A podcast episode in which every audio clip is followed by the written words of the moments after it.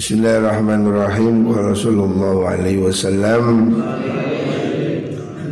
Man at'ama maridhan syahwadahu at'amahullah min thimaril jannah Rasulullah sallallahu alaihi wasallam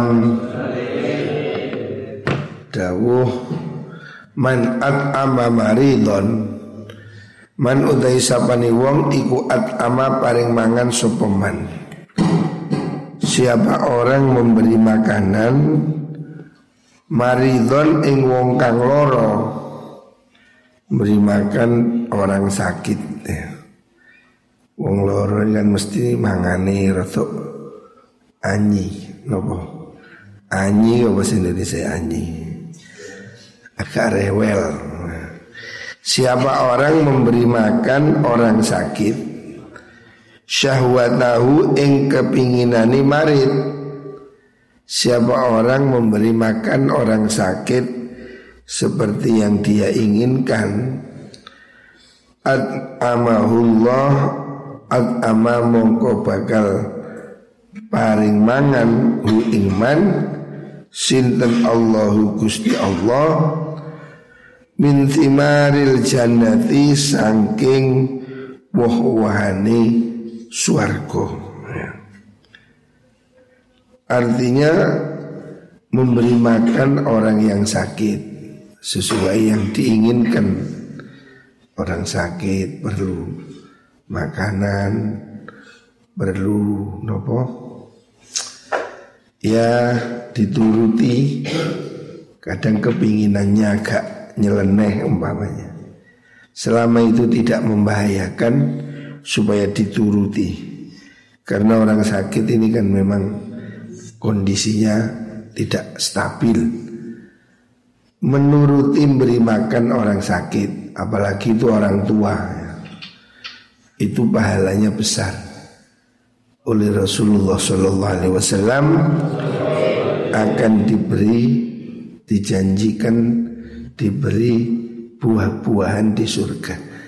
Artinya diberi buah-buah di surga ya berarti dia juga akan masuk surga. Jadi singkati kalau ada keluarga atau teman sakit hendaknya dirawat, diperhatikan. Hadis Rawal Tabrani.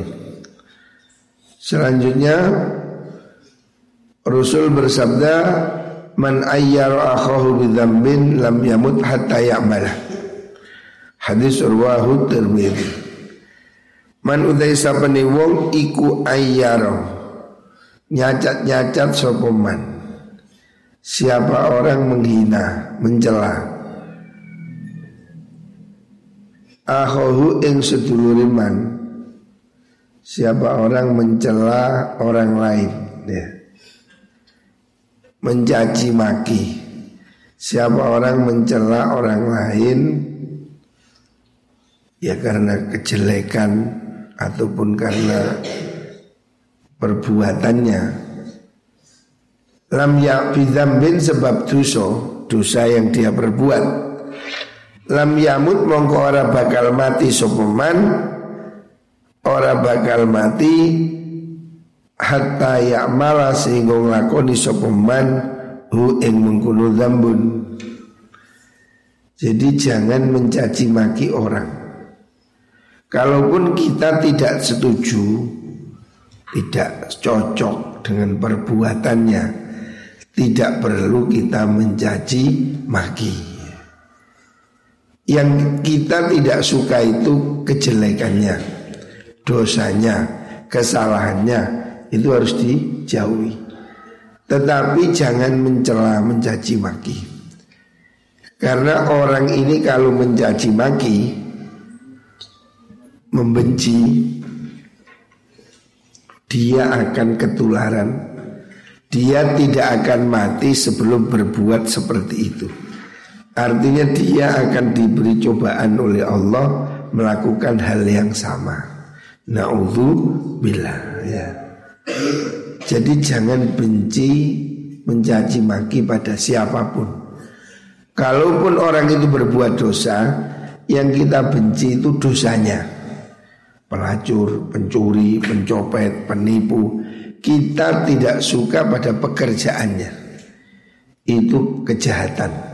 Itu harus dilawan. Tetapi tidak perlu kita caci maki orangnya. Apalagi caci maki sampai bapak-bapak nih. Oh ini oh, anaknya anu mencaci, tidak usah. Tidak perlu kita mencaci maki orang. Justru kita ini menurut kanjeng Nabi akan melakukan hal yang sama kalau kita membencinya, ya, mencaci makinya. Makanya ini harus dibiasakan. Ya. Kita ini berusaha menahan diri, jangan ikut-ikut mencaci siapa pun. Ya. Saya tidak tertarik ada hari ini kan sedang ramai oh, Ini membuli ini, ini membuli itu Kita lebih baik tidak ikut-ikut ya. Biarlah kita ini sibuk ngurusi diri kita sendiri ya. Jangan sibuk ngurusi cacat orang lain Anjing Nabi mengingatkan Kalau kamu mencaci maki orang Karena dia berbuat dosa maka kamu tidak akan mati sebelum kamu melakukan hal yang sama. Ini kan bahaya. Makanya kalaupun kita tidak suka, kalaupun kita tidak senang perbuatan-perbuatan yang jelek dan kita harus memang tidak boleh mendukung perbuatan jahat. Tetapi tidak perlu mencaci maki. Mencaci maki itu sifatnya sudah menyerang pribadi. Kalau pekerjaan mencuri, pekerjaan lonte, pekerjaan ah itu kita tidak suka, itu memang jelek kok. Mau dibilang apa? Tetapi tidak perlu mencaci maki orang, ya. tidak perlu mengata-ngatai orang. Ya. Kita lebih baik mengingatkan diri kita sendiri dan menjaga orang jangan tertarik perbuatan itu. Jadi yang dibenci itu perbuatannya, bukan orangnya. Selanjutnya man aana zaliman Man desapani wong iku aana nuli sapa man zaliman ing wong kang zalim liyud hidami Ngapa lafaz Liyud hidha supaya ngerusak sapa wong bibatilihi kalawan batile mengkuno zalim hakon ing perkara kang bener fakon bariat mongko teman-teman lebaran minhu saking man opo zimmatullahi tanggungani Allah wa zimmatu rasulihi lan tanggungani rasuli Allah. Siapa orang menolong orang berbuat zalim Jangan sekali-kali menolong orang berbuat jahat. Siapa menolong orang berbuat zalim supaya liut khilabibatili haqqan untuk mengalahkan sesuatu yang benar. Kalau kamu berdiri di pihak kezaliman untuk mengalahkan kebenaran, faqad bari'at zimmatullah wa zimmatu rasuli. Maka orang itu telah terlepas dari tanggungan Allah dan Rasulnya. Artinya dia ini bukan golongan orang-orang yang dicintai oleh Gusti Allah. Jadi jangan sekali-kali berdiri di pihak yang zalim. Ya. Jangan sekali-kali kita berdiri di pihak orang yang melawan kebenaran. Kalaupun kamu belum bisa menolong, mendukung kebenaran, minimal jangan bertepuk tangan atau mendukung kezoliman. Kezoliman harus dilawan. Ya.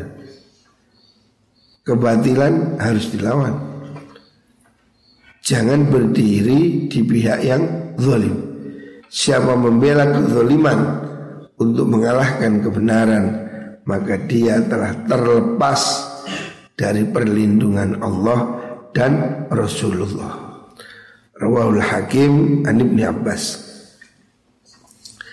Selanjutnya kanjeng Nabi bersabda, bersabda Man aghatha malhufan kadaballahu lahu thalathan wa sab'ina maghfiratan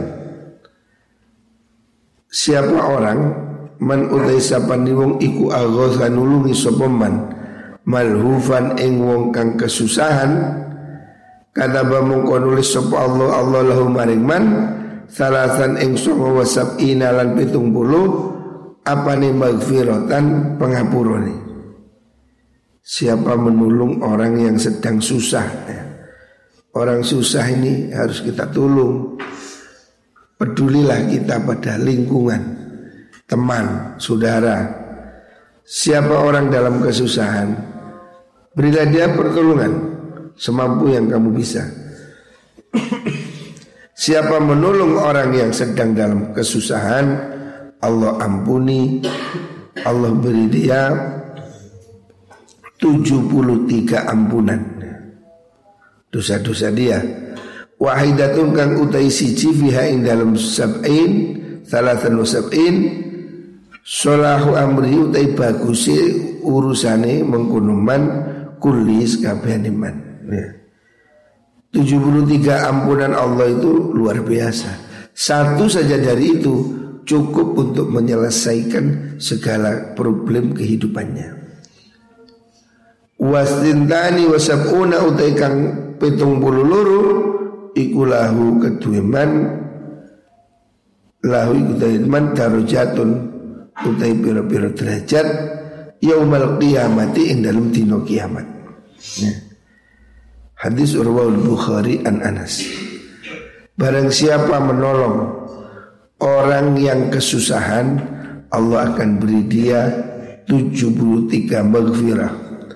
Yang dengan satu maghfirah itu Allah akan cukupi semua urusan hidupnya di dunia ini. Selebihnya 72 yang sisanya untuk kebahagiaan dia, derajat kemuliaan dia kelak di akhirat. Jadi ini luar biasa.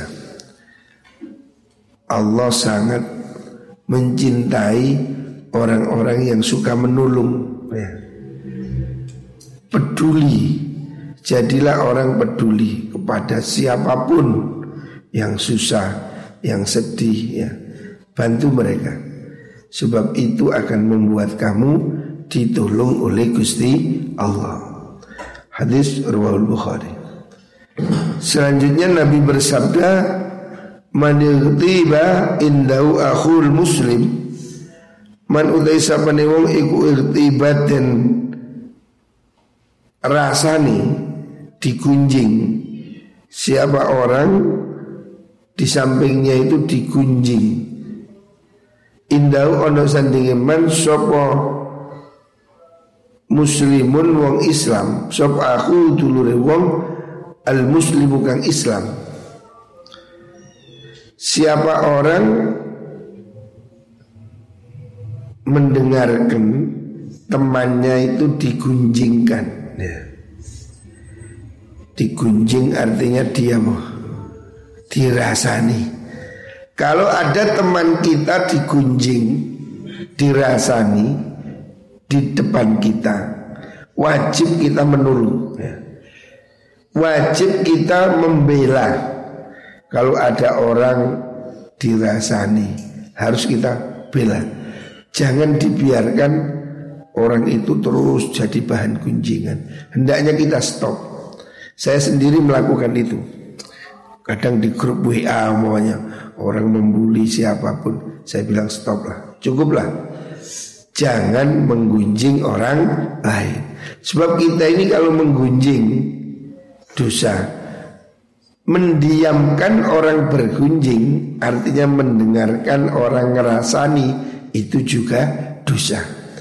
Ini kan hari ini di grup WhatsApp Itu mesti ada begitu. Menggunjing inilah Menggunjing itu. Satu pihak sini satu pihak sana. Saya kira itu sesuatu yang tidak penting lebih baik kita itu ngurus diri kita sendiri Nguruslah lingkungan kita, sekitar kita Saya selalu bilang sudahlah saya tak ngurus santri-santri Ngapain kita ngomong orang Jakarta? Ya Jakarta biar diurus orang Jakarta. Kalau salah sudah ada polisi, ada tentara. Ngapain kita ini ikut-ikutannya? Keamanan negara ini sudah saya percaya TNI. Saya percaya polisi. Enggak perlulah yang lain ikut-ikut hanya caci maki. Tidak memperbaiki suasana. Makanya Nabi mengatakan Manil tiba indahu akhul muslim Siapa orang di sampingnya digunjingkan saudara dia yang muslim falam yang surhu falam yang surhu nuli orang nulungi sapa manhu ing akhuhu wa wa halu teman iku yastati uku sapa man nasrahu ing nulung mengkono akhul muslim adzallahullah adzalla mongko bakal ngina akan hu ing dan Allah Allah fit dunya ing dalam dunya wal akhirat lan akhirat. Ya. Jadi kita harus peduli hentikan. Hentikan pergunjingan ya hentikan kita menggunjing orang lain. Tidak perlu ikut-ikutan ngerasani orang. Biarlah kita ini introspeksi menyadari kesalahan diri kita sendiri. Kata Rasulullah Sallallahu Alaihi Wasallam, "Menitiba indahu akhul muslim, falam yansurhu, wa huwa yastati'u nasrahu, adzallahullah fid dunya wal akhirah. Barang siapa mendengarkan saudaranya digunjing di depannya dan dia tidak mau menolong, tidak mau mengklarifikasi, padahal dia mampu, awas, ah Allah akan azallahullah fid dunya wal akhirah. Allah akan menghinakan dia di dunia dan di akhirat. Tidak main-mainin. Ya. Orang yang tidak peduli kepada saudaranya dijelek-jelekan, ada teman dijelek-jelekan, dia diem saja.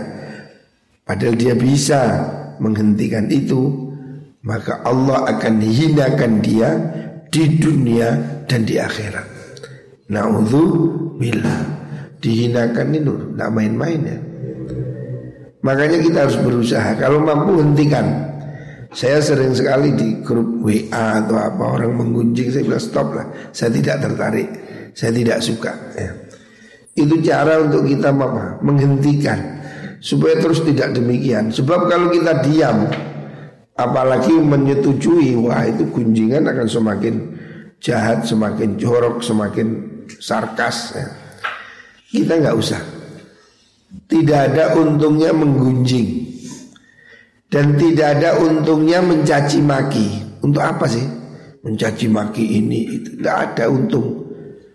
Kita ini tidak Caci maki orang itu tidak dosa Mencaci maki juga tidak dapat pahala Untuk apa? Kamu tidak mencaci maki Fir'aun Ya nggak apa-apa Tidak ada kok rukun Islam wajib mencaci maki Fir'aun. Jangankan Fir'aun, mencaci maki setan aja tidak wajib. Enggak ada. Mana? Wajib mencaci setan. Enggak. Kita ini tidak perlu mencaci maki siapa pun. Ya. Kalaupun kita tidak cocok, kalaupun kita tidak sepakat, ya udah, diem lebih baik. Kita ingkar tapi tidak perlu caci maki. Untuk apa? Apalagi kalau yang dicaci itu ulama yang belum tentu salah. Tidak ada untungnya. Tidak ada untungnya mencaci maki siapa pun. Ya. Dan tidak ada pahalanya. Enggak ada apa pahalanya mencaci orang. Tidak ada. Ya. Bahkan bisa-bisa dosa. Kalau yang kita caci itu ternyata baik Kita malah berdosa pada Gusti Allah Makanya Saya tidak tertarik dan jangan tertarik, jangan kepo, jangan usil ngurusi orang lain. Cukuplah kita itu ngurusi apa yang ada di ini. Saya ini pondok ya sih ngurusi arek tambeng-tambeng, arek bolos-bolos. Ini sudahlah. Ngapain ngurus yang jauh-jauh sana? Tidak ada untungnya. Ayo kita introspeksi, perbaiki diri kita sendiri. Ini yang lebih penting ya. Rawahu Ibnu Abi Dunya an Anas. Selanjutnya Rasulullah Shallallahu Alaihi Wasallam bersabda, "Man igtasala yaumal jum'ah kana fi taharatin ilal jum'atil ukhra." Hadis rawahul Hakim. Nabi bersabda, "Man igtasala yaumal jum'ah." Man utai sapane wong iku igtasala atus sapa man yaumal jum'ati dalam dino jum'ah karena mengkono sopeman iku fi toharotin in dalam sesuci ilal jum'ati maring jum'at jum'atan al ukhra kang weneh jum'at depan maksudnya. Jadi sunnah kita ini minimal minimal mandi seminggu sekali. Khususnya pada hari Jumat. Hari ini hari apa Jumat. Hari ini kamu mandi. Sing biasa gak adus hari Jumat mandi. Sabunan, keramas, sampo ya. Usahakan minimal hari Jumat itu kamu bersih. Ya kalau bisa ya mandi setiap hari. Kita ini air murah. Air gampang. Kalau di daerah sulit air seperti di gurun pasir, mandi seminggu sekali. Lah kalau di Bulu Lawang kayak kita ini mandi gampang sekali ya. Di mana-mana ada air, ya usahakanlah mandi setiap hari. Minimal yang diajarkan Nabi minimal hari Jumat hendaknya kamu mandi. Sunnah mandi. Nah dari sini kemudian orang ada yang menafsiri sunnah mandi sekalian junub bagi yang sudah punya istri. Makanya ada apa itu? Ada guyonan malam Jumat sunnah Rasul. Sunnah Rasul. Saja nih asli sunnah Rasul ya mandi niki. Disunahkan mandi. Perkara mandi cek seger nganu dhisik ya gak apa-apa. Tujuannya supaya mandi. Jadi sing sunnah iki nih duduk ngonone. Men orang ini sing digampang no malam Jumat sunnah sunnah Rasul time. Ya sunnah Rasul itu ya atus Jumat niki.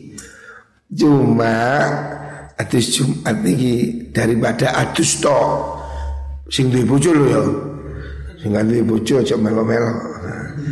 Bagi yang sudah punya istri malam Jumat daripada atus tok adem nah, ditambahlah olahraga. Olahraga suami istri supaya mandinya lebih seger. Mengenai ini jangan salah paham. Ngomong sopir ngane sunnah iya sunai atus Nabi merintahkan mandi lah dari situ ditafsiri. Jadi soal anu itu tafsir. Atus, cik atus ya nopo, junub, cik junub ya nopo, ya anu. Nah, ini partai tambahan. Aslinya yang dianjurkan itu mandi. Ya. Jumat ini sunnah mandi. Semuanya mandinya seperti mandi junub keramas bersih-bersih.